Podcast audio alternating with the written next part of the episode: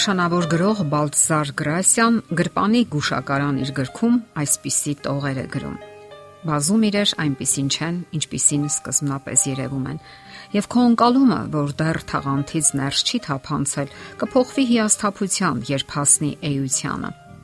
Ամենտեղ եւ ամեն բանում արչեվից մշտապես քայլում է կեղծիքը, կեղծիքը, որ հիմարներին գրավում է իր ճղճիմ ու ճչամ բնույթով Ճշմարտությունը գալիս է վերջում եւ ուշացած, քարշ գալով կաղ ժամանակի հետևից։ Նրա համար ողջամիտները պահած են լինում այն զգայարանի կեսը, որ իմաստուն կերպով մեզ բոլորի մայրն է շնորհում։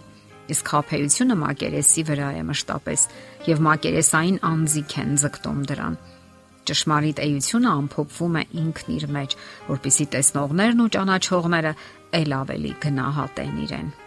Նոր կտակարանում կարդում ենք մի փոքրիկ տղայի մասին, որն իր ուտելիքը առատած ձեռնորեն տալիս է առաքյալներին։ Նրանք էլ իրենց հերթին այն տալիս են Հիսուսին, ով բազմացնում է փոքրիկ երեխայի այդ օրվա ողջ ուտելիքը։ Մենք պատկերացնում ենք այն մայրիկին, որը հոգատար եւ սիրով լի ձեռքերով պատրաստել էր այդ համեղ եւ համեստ ճաշը իր զավակի համար եւ ուղարկել նրան, որպիսի լսի Հիսուսի քարոզը։ Եվ այդ ճաշը հայտնվեց հազարավոր մարդկանց ձեռքին, իսկ այդ պատմությունն արդեն մի քանի հազարամյակ մարդկանց շուրթերին է։ Հարուստ մարդկանց մի խավ կա, որ իրեն խելացի ու ճարպիկ է համարում եւ անսահման հոգեվոր, սակայն իրականում նրանք ճունեն այդ փոքրիկ տղայի հավատքն ու առատաձեռնությունը ժլատ, եսասեր ու գրփող շատ անznավորություններ իրենց կյանքի վերջում հասկանում են, թե ինչպիսի անհետ-հետ կյանք են ապրել իրենք իսկ այդ անիմաստ եւ գողացած հարստությունը միայն վկայելու է նրանց դեմ դատաստանի օրը։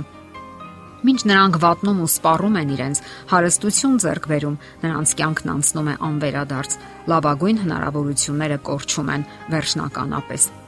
Եվ փոքրիկ տղայի պատմությունը նրանց համար է, որ պետք է իրենք իրենց հարցնեն, ո՞րն է կյանքի նպատակը հանուն ինչի ենք ապրում մենք։ Արդյոք երկրային հարստություններն ու հոգսերը այնպես են կլանել մեզ, որ այլևս չենք հիշում հոգևոր արժեքները։ Թաղվել ենք հոգսերի ու նայնությունների մեջ այնպես, որ դեպքից դեպք ենք աղոթում։ Իսկ Աստվածաշնչի մասին հիշում ենք այն ժամանակ միայն, երբ ցանկանում ենք մաքրել նրա վրայի փոշին։ Եթե այո, ապա հիմա է ժամանակը Հիսուսի հետ հարաբերությունները ճշտելու համար Նա խոստացել է, որ վերադառնալու է։ Մենք իհարկե չգիտենք ճշգրիտ ժամանակը, սակայն վստահ ենք, որ վերադառնալու է։ Անկախ նրանից այդ ժամանակ կենթանի կլինենք մենք, թե մահացած, եւ երկու դեպքում էլ պատասխան ենք տալու մեր գործերի համար։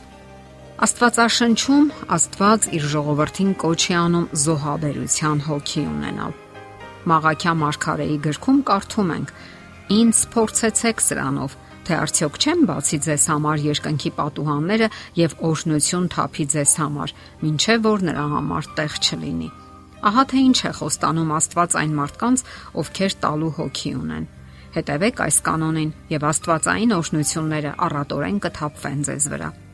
Տվեք առանց երկմտելու։ Ուշադրությամբ հետևեք, թե ինչպիսի ծախսեր եք անում։ Որքան ավելորդ գումարներ եք վատնում հենց այնպես։ Վատնում եք ալկոհոլի կամ ծխախոտի վրա, շատակերության վրա, անհեթեթ զվարճանքների վրա։ Հավաքեք այդ գումարները թեկուս քիչ, սակայն կանոնավոր։ Աստծո գործը այսօր կարիք ունի ընդարձակվելու եւ տարածվելու, որpիսի ավետարանի լույսն ու ճշմարտությունը հասնի աշխարի բոլոր ազգերին, որpիսի հազարավոր անտուն ու քաղցած հիվանդ երեխաներ օգնություն ստանան հենց ձեր համեստ կամ առատ գումարներից։ Հիշեք ավետարանում հիշատակված այն փոքրիկ տղային, որի անունն անգամ չգիտենք, սակայն որի անznազող արարքը հազարավոր քաղցած մարդկանց կերակրեց։ Եվ լավ մտածեք, դուք հարուստ եք, թե աղքատ։ Եթե տալիս եք, ուրեմն հարուստ եք, իսկ եթե ոչ, ուրեմն դուք իսկապես աղքատ եք։ Կատարեք ձեր ընտրությունը հենց այսօր, որովհետև մեր կյանքը այսպիսի մեկ օրերից է բաղկացած եւ վաղն արդեն կարող է ուշ լինել։ Հայ նշանավոր գրող Վիլյամ Սարոյանը կյանքի եւ մահվան օրեր կամ փախուստ դեպի լուսին իր ստեղծագործության մեջ այսպիսի տողեր է գրում։ Բայց միակ իսկական մարդիկ աղքատներն են։ Նրանք գալիս են, քաղցում, աշխատում, ստեղծում, ծնում եւ մահանում, պահպանելով բնության հետ մեծ հաղորդակցությունը։